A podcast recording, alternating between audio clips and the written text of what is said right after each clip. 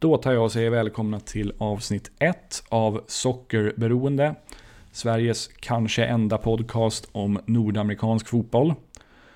Jag som pratar heter Johan Dykhoff och i den mån man känner till mig så är det förmodligen för att jag för svenska fans räkning har skrivit och poddat om nordamerikansk fotboll till och från sedan 2009. Under åren 2017 till 2019 gjorde jag också en annan podcast vid namn Afonso Alves-podden som ni kanske har hört eller åtminstone hört talas om. Den här podden då, som alltså har fått namnet Sockerberoende, eh, kommer fokusera på fotboll i Nordamerika och avsikten kommer i huvudsak ha intervjuformat men det kan säkerligen bli en del annat också. De personer jag har tänkt ha med i podden kommer vara av alla dess slag.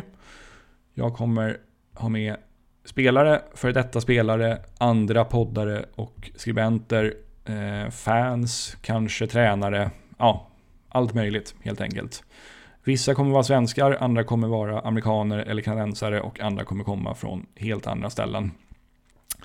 I det här pilotavsnittet håller vi dock oss inom Sveriges gränser. Jag har nämligen intervjuat Frej Engberg som är en snart 26-årig Stockholmskille som spelar för Vasalund. Frej spenderade tre år i USA. Eh, först ett halvår på University of North Carolina at Chapel Hill och därefter drygt två år på Long Island University Brooklyn. Frej återvände hem till Sverige vid årsskiftet 2017-2018 och har sedan dess spelat för Assyriska, Gävle och sedan fjolårssäsongen i Vasalund. Frej var därmed med och tog upp Vasalund från ettan till superettan. I den här intervjun pratar vi huvudsakligen om Frejs tid i USA, men vi pratar även en del om tiden innan flytten eh, och den kommande superettan-säsongen.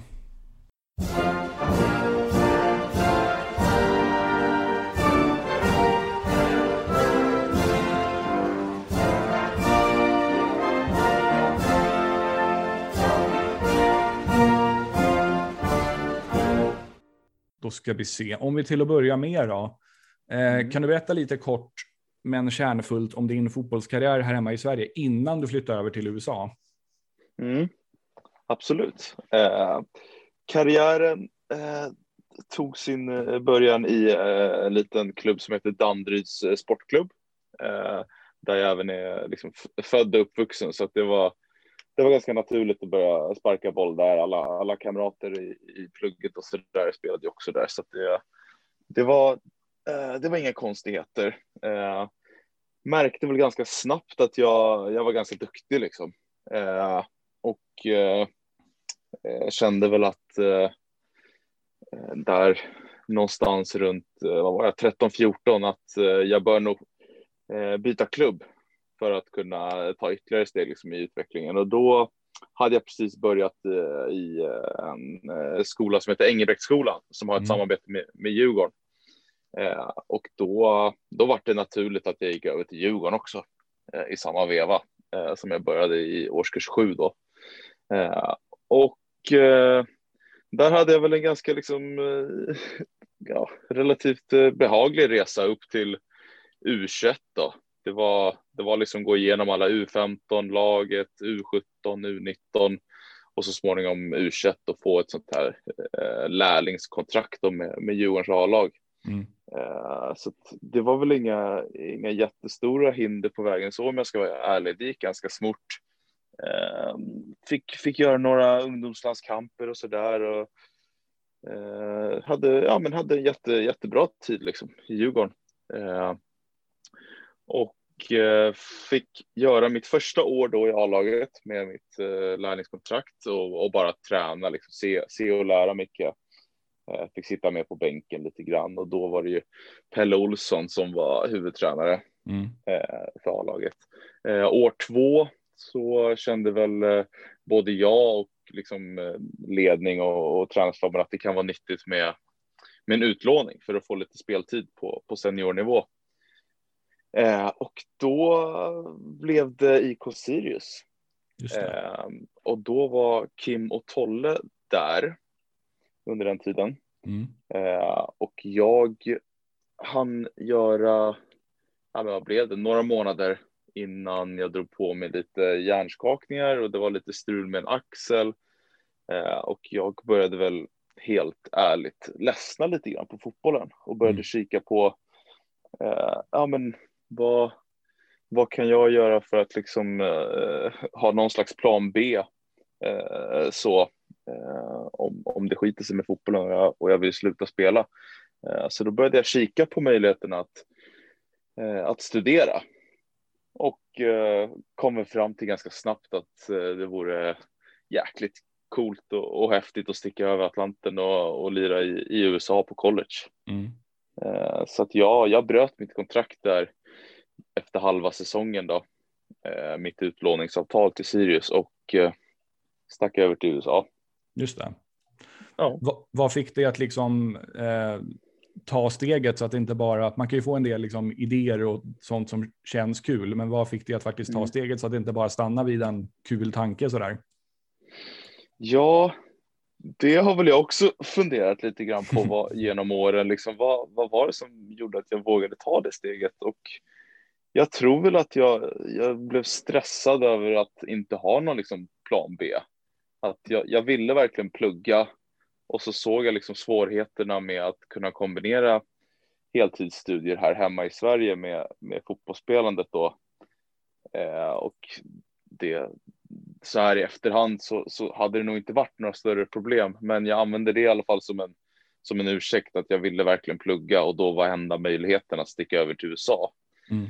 Eh, sen tycker jag ju precis som du att eh, USA är ett häftigt land. Liksom. Det är coolt med, med idrotten, hur, hur den skiljer sig åt lite grann från, eh, ja, från vad man är van vid så att säga eh, på många sätt. Så jag var ju väldigt spänd på, på den delen också. Ja, eh, förstår. Och liksom, ja, jag har svårt att sätta fingret på vad det exakt var som gjorde att jag eh, stack över. Det, det, det föll sig så på något ja. sätt. Har jag förstått det rätt om det var så att du var först på North Carolina och sen bytte du till LIU Brooklyn efter ganska kort tid? Exakt, det stämmer. Det. Uh, så jag gjorde uh, ett halvår på, på UNC Chapel Hill. Mm. Innan jag gjorde en så kallad transfer. Hur kom det sig att du valde att byta skola?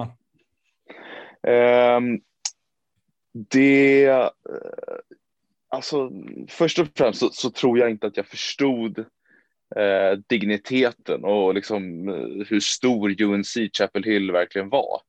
Eh, det har jag förstått i efterhand att det är liksom eh, en av de största och finaste skolorna liksom, eh, i USA. Mm. Eh, det förstod jag kanske inte där och då om jag ska vara ärlig. Så jag, jag började prata med, med lite polare som också hade tagit steget i samband då och stuckit över till USA.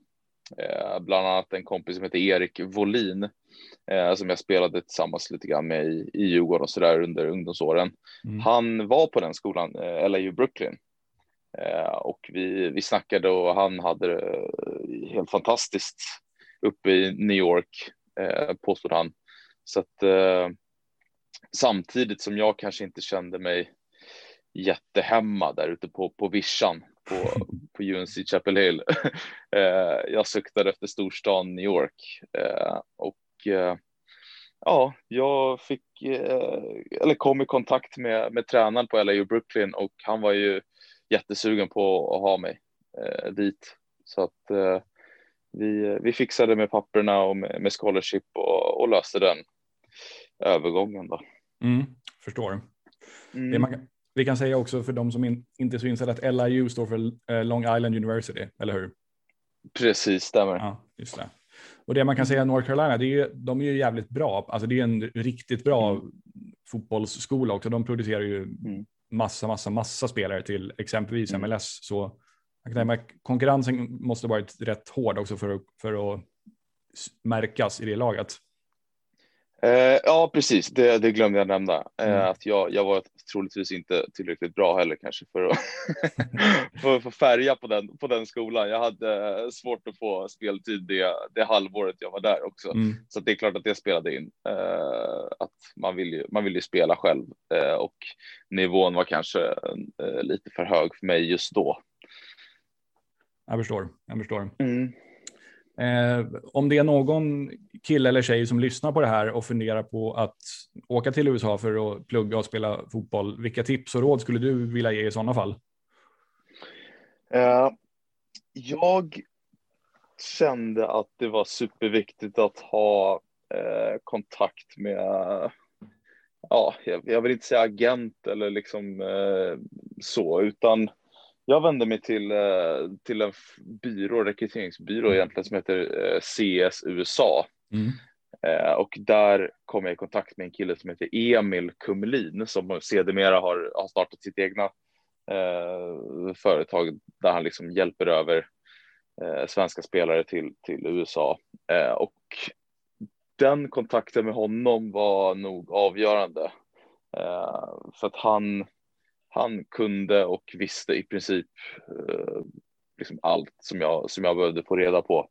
Eh, och han var liksom med från start till, ja, tills jag tog min liksom examen där borta. Mm. Eh, Han fanns alltid liksom på, på speed dial så att säga eh, och kunde svara på, på mina funderingar och, och, och gjorde mig lugn eh, inför, framförallt inför flytten. Eh, för då var man ju inte jättekaxig. Det, det, det, var, det var jobbigt första Mm. tiden eh, och då fanns han som ett bollplank eh, hela tiden eh, och, och det kändes jäkligt skönt. Eh, sen tror jag att det, det kan vara skönt att, att höra av sig till, till svenskar som är där borta nu så att säga och kolla läget lite grann och, och försöka få lite tips därifrån. Jag hade kontakt med en, en svensk spelare på UNC Chapel Hill som heter Robbie George eh, som eh, också fanns som liksom eh, ett bollplank innan min flytt Mm. eh, och eh, fick jättebra kontakt med honom så han stod ju där på, på flygplatsen när jag landade eh, liksom första, första dagen och tog emot mig och det var det var också skönt Mm. faktiskt så att eh, försöka liksom bara eh, omge sig med, med människor som, som har antingen varit i din sits eller som eh, liksom har varit i, i branschen eh, som, eh, som eh, vet vad det handlar om egentligen. Mm. Eh, det, var, det var en stor eh, nyckel för, för mig så att säga. Jag förstår. Vad kunde det vara för någonting som var liksom svårt och jobbigt första tiden där borta? Eh, det var väl en blandning av, eh, av massa olika saker. Jag tror att språket är en ganska stor faktor för att eh, man, man är rätt kaxig här hemma när man, när man går ut gymnasiet och, och tänker att fan, jag har koll på engelska språket. Det, det är inga konstigheter. Men, men när du väl eh, kommer till, till en sån miljö där du tvingas eh, liksom bara använda det språket så blir det någonting annat. Mm. Eh, du blir kanske bekväm och istället för att eh, ja, vara den sociala killen som, som jag var vanligtvis så kanske jag drog mig tillbaka lite omedvetet för att språket var liksom en, en barriär så jag vågade väl kanske inte ta för mig lika mycket eh, i rädsla för att säga fel eller, eller sådär. Ehm, men det har jag ju också insett i efterhand att det, det är ingen som bryr sig om du har en märklig dialekt eller om det är något ord du, du fastnar på utan det, det är bara att tuta och köra. Ehm, men så, så kände man inte eh, där och då.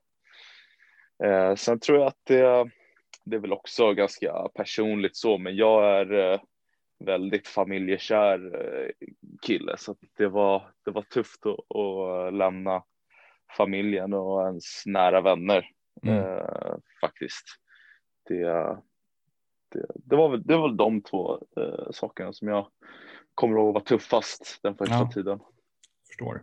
Det är intressant det där med språket. Jag har också pluggat utomlands, fast, fast bara ett halvår Mm. och, det var, och det var i Nederländerna. Men jag Ja. upplevde, upplevde samma sak som du med språket, att alltså man, man, man, man kommer till viss insikt att okej, okay, men det är faktiskt, man är liksom 10-15 procent mindre snabbtänkt på engelska. Och, mm. Mm. och man, man kan inte uttrycka sig riktigt lika nyansfullt mm. på svenska och sådär.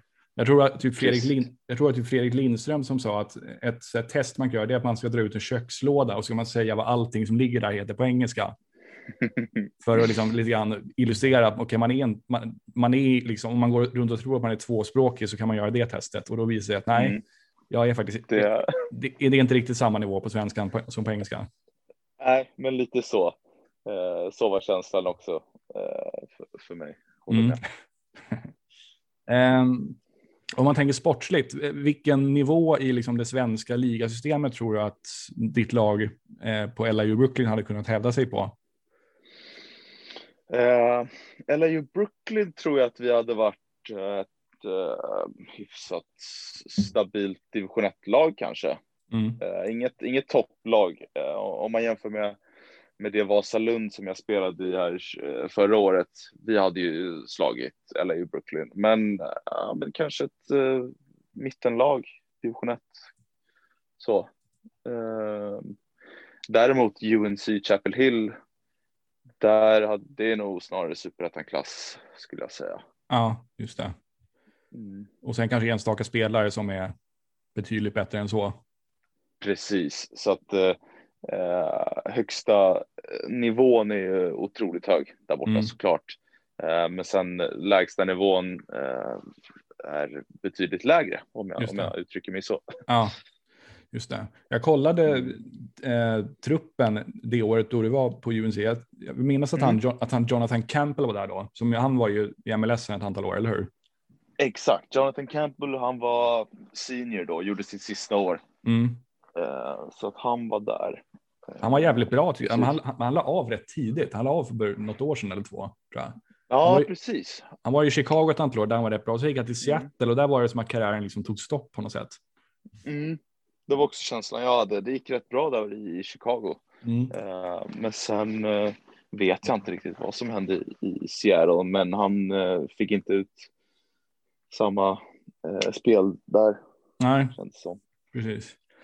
Eh, minns om det var någon motståndarspelare eller något motståndarlag som typ imponerade särskilt på dig när du lirar?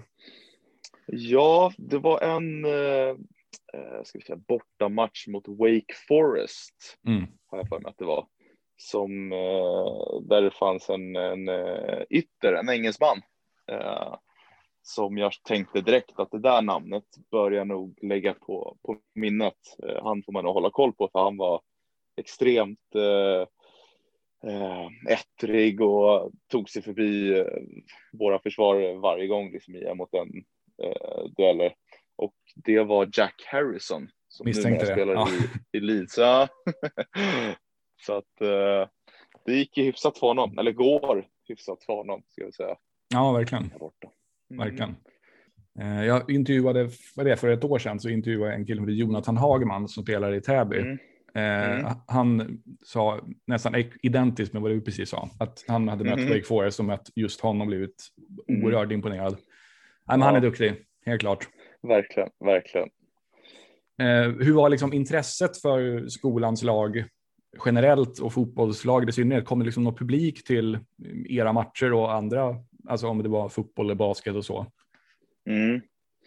Eh, det är lite kul för att jag har ju verkligen två sidor av av eh, myntet tänkte jag säga. Men, mm. men första skolan jag gick på, UNC Chapel Hill, var ju liksom som, som man hade föreställt sig lite grann som, och som man har sett det liksom i, i filmer. Eh, det var ett stort campus, eh, mycket eh, elever eh, och stor uppslutning på, på hemmamatcherna egentligen i, i alla sporter. Eh, jag tror att vi hade väl någon, några tusen liksom på, på hemmamatcherna. Mm. Trots att fotboll inte, inte är super, superstort eh, jämfört med, med basket och, och eh, amerikansk fotboll. Då. Eh, däremot så var nog basket, ja, svår, svårt att säga, men basketen var ju jättestor på UNC Chapel i och med att Michael Jordan gick där. Aha, så okay. basket, mm. Basketkulturen var ju enorm på UNC Chapel Hill mm. och hans, hans tröja nummer 23 hängde ju överallt i, i korridorerna. Eh, så att basketkuren var nog extrem där, men, men vi hade ju också ett eh, bra amerikanskt fotbollslag som, eh, som tog in liksom 40-50 000 på sina hemmamatcher. Mm. Eh, blandat med, med elever på skolan, men även liksom fans så att säga. Så att det, det, var svårt att ta in att skollagen hade sån uppslutning och, och mycket supportrar mm. eh, till en början. Eh, men sen när jag bytte skola till LA Brooklyn som var betydligt mindre skola som liksom låg på, i Brooklyn i, i New York hade eh, ett jättelitet campus eh, förhållandevis eh, så vart det, det vart en, en annan grej liksom. Det, det fanns inte samma, samma supporterskap till skolan och eh, samma uppslutning kring, kring våra matcher eller våra andra sporters liksom, lagsmatcher. Eh, så att det, det var lite natt och dag eh, på de skolorna på, på det sättet. Ja, jag förstår. Eh, mm. Var, var lirar ni era hemmamatcher någonstans i Brooklyn? Då lirade vi faktiskt på campus. Vi hade en, eh, en plan som, som egentligen alla utomhussporter eh, använde sig av. Så ja. det var vi, det var field hockey, det var eh, baseball använde också den planen, softball. Ja, vi, vi var många lag som delade på den planen och det, det är väl inte så konstigt. Det är nog ganska dyrt med, med mark där mm. i, i Brooklyn. Eh, så att, eh, men den låg på campus och var, var helt okej okay, liksom så. Eh, men det var ingen arena på det sättet som det var i, i North Carolina. Nej, jag förstår. Var, var, var exakt, jag har, varit, jag har varit i Brooklyn, eller jag har, mm. jag har varit i New York två gånger och bodde i Brooklyn en gång. Var i Brooklyn höll ni hus liksom? Okej, okay, ja. Eh, tänk dig att du går Brooklyn Bridge från, eh, från Manhattan, inte Manhattan Bridge utan eh, Brooklyn Bridge. Ja. Så kommer du, kommer du över den till Brooklyn-sidan och så fortsätter du gå den vägen ja, några hundra meter upp liksom i, i Brooklyn. Mm. Så ligger skolan precis vid eh, vid den DeKalb Avenue som, som vägen heter. Ja, men fan, det känner jag jätteväl igen. Jag, jag bodde i något ja, okay. Fort, jag bodde något som heter Fort Green. Det måste ju vara precis ja. där i närheten. Ja, det är faktiskt precis i, i anslutning till, till skolan, eh, campuset, eh, Fort Green Park. Ja, fan vad lustigt. Ja, ja, okej. Okay. Ja, ja, kul. Ja, det, DeKalb Avenue, det, det, det, hette, det hette väl en tunnelbanestation där också, eller hur? Exakt, exakt. Ja, den är... Tunnelbanestationen heter det. Just det. Det var som ja, fan. Kul. Ja. ja. Jättetrevligt område för övrigt, Fort Green. Ja, verkligen, verkligen idylliskt. Ja. Eh, om man tänker liksom, du nämnde lite grann innan vad som var, liksom, kunde vara lite jobbigt och svårt, men vad, om man tänker vad mm. gillar du med att bo i, i USA? Mm. Eh, på, på, samma sätt som jag är, är hemmakär och familjekär som jag nämnde så, så älskar jag också att träffa nya människor. Mm. Eh, det var verkligen en av eh, driv, drivande faktorerna till att man ville sticka iväg också. Var träffa nya människor och eh, skapa sig nya vänner för livet. Eh, så det, det var en, eh, eh, en stor faktor som mm. sagt. Mm. nu tappade jag frågan. Vad du gillade med att bo i USA? Ja, men just det. Och sen var det ju också att Eh, ja, men man vill ju uppleva liksom kulturen. Eh, man har hört talas om, om USA eh, mm. mycket och, och, hur det är där borta, att allting ska vara så liksom extremt och upphöjt till, till tio jämfört mm. med, med Sverige. Eh, så man var väl nyfiken på, på att se liksom, landet och, och människorna och, och, samhället i stort. Hur, mm. hur funkar det liksom där borta? Just det. Mm. Jag tycker man märker det du var inne på att allt är liksom jättemycket större. Man märker det när man är i New York mm. eh, för att mm. eh, det kan ju vara så att om man liksom plötsligt får för sig att ja, men nu vill jag äta eh, kambodjansk mat till middag, mm. då finns det liksom mm. sju sådana restauranger inom 30 minuter eller någonting. Ja, ja. Och i, i, Stockholm finns det väl förmodligen ingen misstänka. I London kanske det finns en eller två, men i, men i New York är det så här, ja, ja men det, det, är bara frågan om vilken restaurang du vill gå till. ja, men lite så. Det, allt fanns i princip, exakt som du var inne på. Var det en viss typ av mat, ja, men då, då hade du det förmodligen runt hörnet. Ja. Eh, och liksom det var, nej, allt, allt fanns till hands liksom och, och nära till hands var känslan. Ja, verkligen.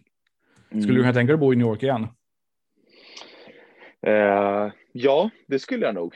Eh, I alla fall eh, ett tag, kanske inte. Jag ser inte liksom, resten av livet i, i New York. Jag, jag, älskar Stockholm tror jag för mycket, men eh, absolut eh, om, om det faller sig så jobbmässigt eller eh, fotbollsmässigt eller så, så skulle jag. Jag skulle inte tacka nej. Nej, förstår. En grej som jag har mm. hört från folk som har bott i USA att det är liksom lite grann så här ett administrativt u-land. Man kan ju typ inte betala mm. räkningar på nätet och så. Eh, mm. Var det några sådana så här vardagsgrejer som du reagerar på som kunde vara lite konstiga?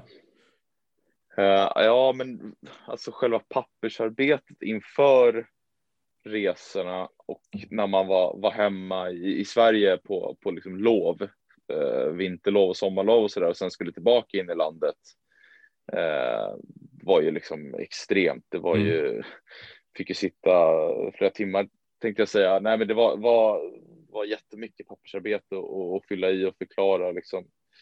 Eh, ja, men själva säkerhetsprocessen var liksom gigantisk också, hela den processen. Så att, eh, men också att eh, de, eh, det är ju extremt mycket kontanter.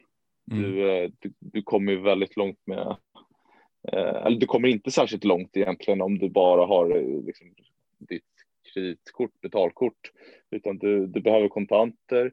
Eh, du får ofta eh, utbetalt i, i checkar eh, som du själv får, får gå och lösa in på banken. Eh, så vi hade ju lite sådana där, i mitt scholarship så, så fick jag, eh, ja men om det var några, några hundra kronor eller sådär och, och handla mat för. Mm. Eh, då, då, fick jag ofta det liksom i en check det gick inte att få, få insatt liksom på, på kortet eller, eller så, utan det var, det var en check som jag fick gå och lösa in på, på närmsta bankkontor. Eh, så lite, lite sådana saker var absolut känslan att administrativt ett, ett u-land ligger efter. För det är sånt som man bara liksom har hört typ sin morbror berätta om i Sverige. Alltså man har aldrig håll, hållit i en check om man är född på typ 80 eller 90-talet. Nej. Ja, men precis. Så det var ju verkligen eh, en, en ögonöppnare ja. Eh, och, och få hålla i den första gången. Och, vad fan ska jag göra med den här liksom? eller hur? ja. Um, då ska vi se. Eh, kan du berätta lite grann om ditt eh, fotbollsspelande i USA utanför college-sammanhang? För du berättade på Twitter att du spelade för de här Brooklyn Italians i NPSL. Ja, just det. Eh, ja, eh, första sommarlovet eller vad man ska säga mm. eh, åkte jag hem till, till Sverige. Eh, men, men de andra sommarloven så eh, valde jag att stanna kvar eh, i New York över, över sommaren och inte åka hem alls. Mm. Eh, just för att jag var lite sugen på, på att testa spela för, för det här NPSL-laget Brooklyn Italians eh, som, som de heter och det är, det är en anrik förening. Det är Eh, har eh, för mig att de har, de har en ganska fin historia. Så det var känslan i alla fall och vad, vad jag fick berättat för mig. Eh, och det, det, ja, vad ska man jämföra det med? Det var, det var som en serie eh, där, där många utav spelarna i den serien var just liksom college-spelare som, som ville hålla igång under sommaruppehållet egentligen. Eh, så att uh, vi spelade i någon ja, regionalliga förmodligen. Jag hade inte superbra koll på, på uh, uppbyggnaden av, av den ligan, men det var väl uppdelat geografiskt på något sätt så att vi mm. mötte liksom uh, lag från nordöstra USA, så bland annat New York Red Bulls andra lag och, och, och lite sådär. Eh, New York Cosmos hade något andra lag också tror jag i mm. den ligan. Eh, så att eh, det var, var väl en grundserie på kanske tio lag eller något sånt där. så gick de, de bästa till, till något slags nationellt slutspel. Men då när det nationella slutspelet drog igång så har jag för mig att vi, vi hade redan startat upp igen med, med skollaget. Mm. Så det var aldrig aktuellt. De liksom överlappade eh, varandra. Eh, så det, det, var lite dumt, men, men det, var, det var häftigt, absolut. Och, och stanna kvar i New York över sommaren och bo och, och verkligen känna sig som ett, eh, ett fotbollsproffs i, i USA faktiskt. Just det. Men vad mm. udda att de, för jag tänker både NPSL och det som nu heter USL League 2, de är precis som du är inne på, det är ju, de är till stor del baserade, alltså lagen är ju till stor del baserade av collegespelare som vill hålla igång. Mm. Då är det skumt mm. om, om det inte är schemalagt så att de kan spela hela säsongen. Ja, det var supermärkligt för att, för att jag kommer ihåg att vi liksom fick, fick avvika eh, när, när det drog ihop sig med, med slutspelsmatcherna och Eh, just för att vi, vi skulle ha uppstart då liksom igen med, med vårt skollag. Eh, så att eh, ja, lite märkligt. jag förstod mig aldrig riktigt på den där serien heller om jag ska vara helt ärlig, men det var det, det är ganska rörigt generellt i serieuppbyggnader och just det här att man kan inte åka ur en serie och gå upp och, och lite sånt där så valde jag väl att eh, aldrig sätta mig in heller och försöka förstå. Nej, jag förstår. Mm. Just, just de där lägre serierna, där är också så här att det kan vara liksom. Precis som du säger, det är ju så här regionalligor, men varje mm. år så är det så här 20, 25 nya lag i serien och 12, mm. 12 har lämnat liksom. Det är alltid något, här, det är alltid något sånt där nytt lag som heter något så här Los Angeles Athletic FC som, som liksom ja. lanseras och även om det är amatörnivå så är det ganska liksom hög svansföring, men sen så överlever ja. de ett, ett år och så orkar väl inte någon, och så orkar man inte köra vidare typ. Nej, ja men precis, det var känslan. Ja. Också, faktiskt.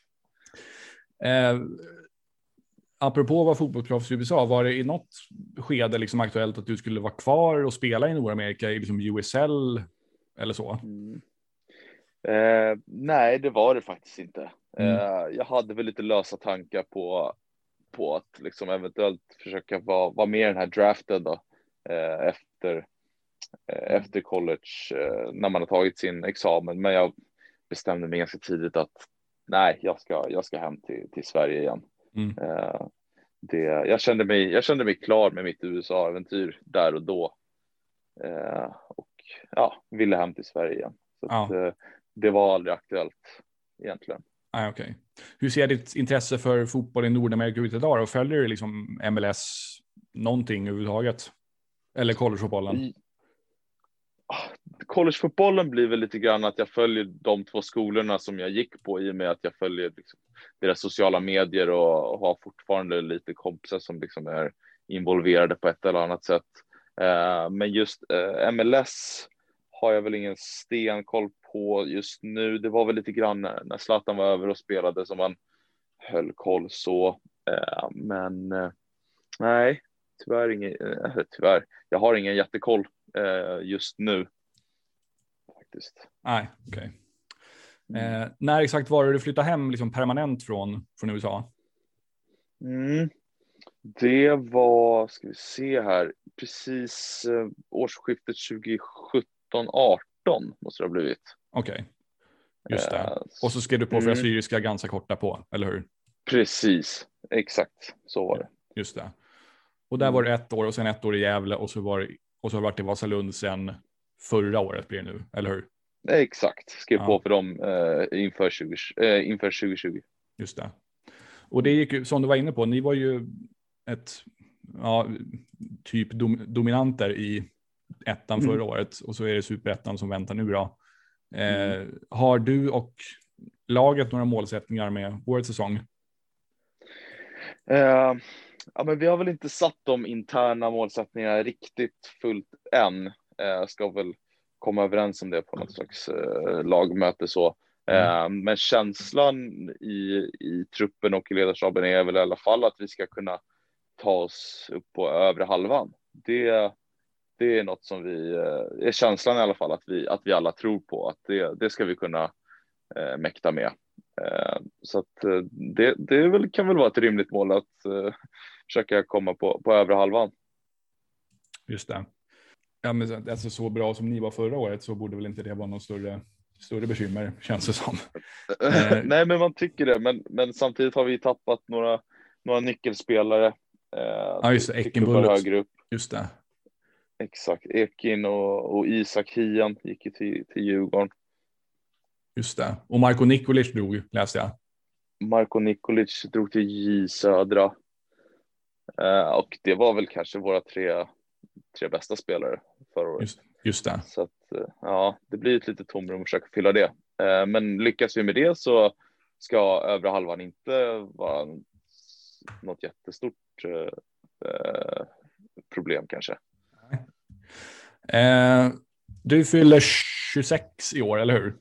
Det stämmer. Ja, och då är du liksom... Du är liksom så du, du, du är ganska liksom mitt i karriären då, kan man väl mm säga. Hur tänker du liksom kring ditt fotbollsspelande framöver? Ja, det, åren rann ju iväg lite grann för när man, när man var borta i USA och eh, pluggade på college. Eh, jag, jag åkte ju över som en talang inom citationstecken eh, och kom hem som en, eh, eh, ja men lite grann ska, ska vara mitt i sin karriär. Eh, så att eh, eh, det, det, jag hamnade i en liten eh, märklig situation märkte jag själv att jag, jag, jag kände mig fortfarande som en talang men så kollade jag och liksom, ja men fan nu är jag 25. Det, mm.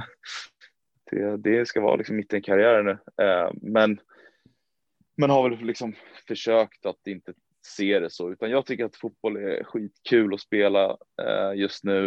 Eh, och när jag får så stort förtroende från, från coach som jag fick förra året och förhoppningsvis får i år så gäller det bara att ta chansen och försöka göra det så, så bra jag bara kan. Eh, och gör jag, det, gör jag det bra som jag vet att jag kan så, så hoppas jag liksom och, och tror att jag kan få chansen högre upp också. Mm. Eh, men eh, men försöker väl, liksom, nu låter det jätteklyschigt, men att ta liksom en match i taget och inte försöka tänka på det eh, allt för mycket. Jag förstår. Utan det, det är kul att lira, men eh, jag har ju liksom ett, ett eh, jobb, eh, ett heltidsjobb, så att det, det är liksom inte eh, ekonomin det hänger på heller fotbollsmässigt, utan det, det är en kul liten eh, extra peng för att få göra något som jag liksom älskar att göra, spela fotboll. Mm. Ja, du jobbar 100 procent vid sidan av fotbollsspelandet. Ja, exakt. Det gör oh, jäklar, ja. Ja. Men det, men det, det går liksom?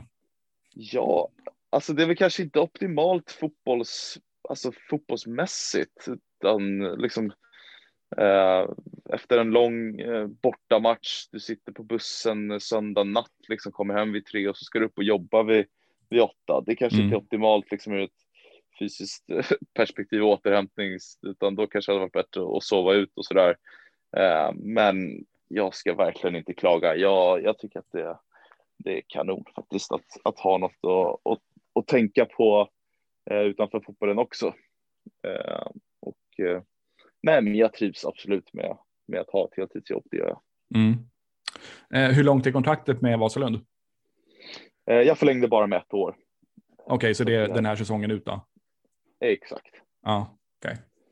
Mm. Eh, vem i Vasalund bör man hålla koll på i år tycker du? Förutom dig förstås.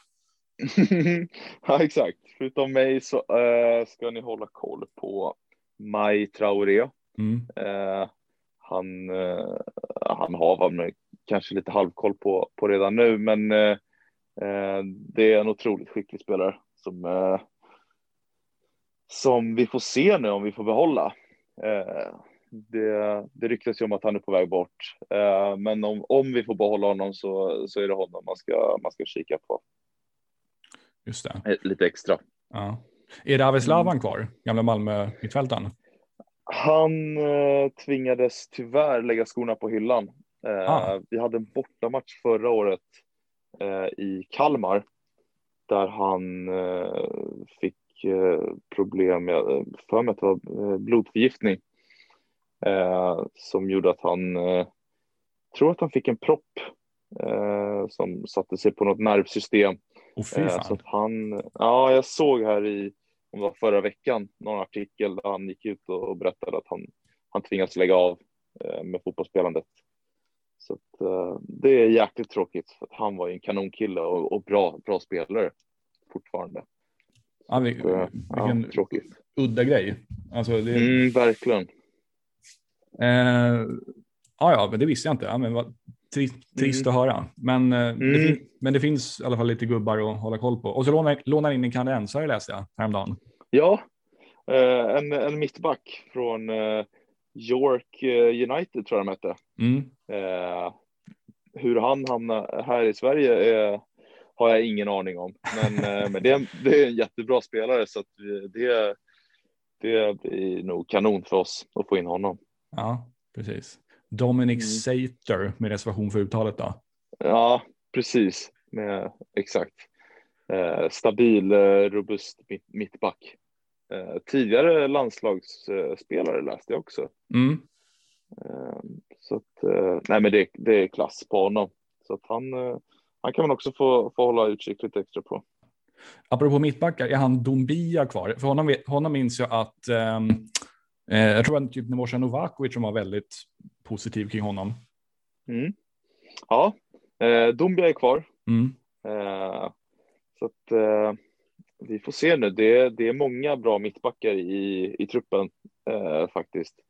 Eh, så att eh, det kommer bli hög konkurrens om mittbacksplatserna. Nu spelar vi någon slags trebackslinje, i alla fall som det sett ut nu hittills. Mm. så det, det, det båda väl gott för, för mittbackarna så, men, det, men vi har fem, sex absolut superskickliga mittbackar som ska konkurrera om tre platser. Så det blir intressant. Ja, men du tar, du tar liksom vänster, vad säger man, wingback-plats då? Ja, exakt. Den är min har jag tänkt. Mm. fick du lira? Vi, vi nämnde inte, eller vi pratade inte om hur, var du fick spela i USA, men eh, hur användes du mest där borta? Eh, där borta var det mest, eh, det var mest vänsterback i en fyrbackslinje. Mm. Eh, alternativt kliva in och spela lite mittback. Eh, men fotbollen där borta skiljer sig en jäkla ifrån den fotbollen som jag var van vid, det liksom i, i U19 allsvenskan och, och sådär. Eh, så att man varit lite tagen på sängen. Eh, just att den är mycket mer atletisk och, och fysisk fotboll. Så att jag, eh, jag hade ju spelat en del mittback hemma i Sverige eh, så, men eh, mittback Eh, där borta ställs helt andra krav på en som mittback. Eh, just ur ett fysiskt och liksom atletiskt perspektiv. Eh, så där hade jag väl ganska svårt att hävda mig om jag ska vara ärlig. Så att jag fick flytta ut på, på vänsterbacken eh, som var lite mindre krävande fysiskt. så. Ja, jag förstår. Spontant, mm. spontant känns det som att de mittbackar som draftas till MLS, det är få sådana här liksom Fabio mm. Cannavaro-typer, alltså som är 1,74, utan de är, är sällan de är under 1,88 liksom. Ja, men verkligen. Det är oftare närmare två meter än en ja. precis som du är inne på. Uh, och det, det, ser vi, vi hade ett svenskt uh, exempel på, på Axel Sjöberg som också är mm. mittback som, som lirade i college och var väl närmare två meter. Jag tror han är till och med över, han är 2,01 eller något sånt där. 2,01, ja du ser. Mm. Ja, eh, men är också skicklig spelare så han blev nog inte draftad bara på sin längd. Ska jag vara tydlig med att säga. Nej, precis. När han kommer med i årets lag ett år i MLS. Ja. Han, är, han är duktig på riktigt. Nu har han flyttat ner till ja. Eh, USL Championship för att ja, okay. förhoppningsvis få igång. Han har gått till San Antonio. Det har ju gått lite, mm. Lite knackigt för de sista åren, men eh, okay. förhoppningsvis kan han få igång karriären igen där. Ja, ja, det håller vi tummarna för.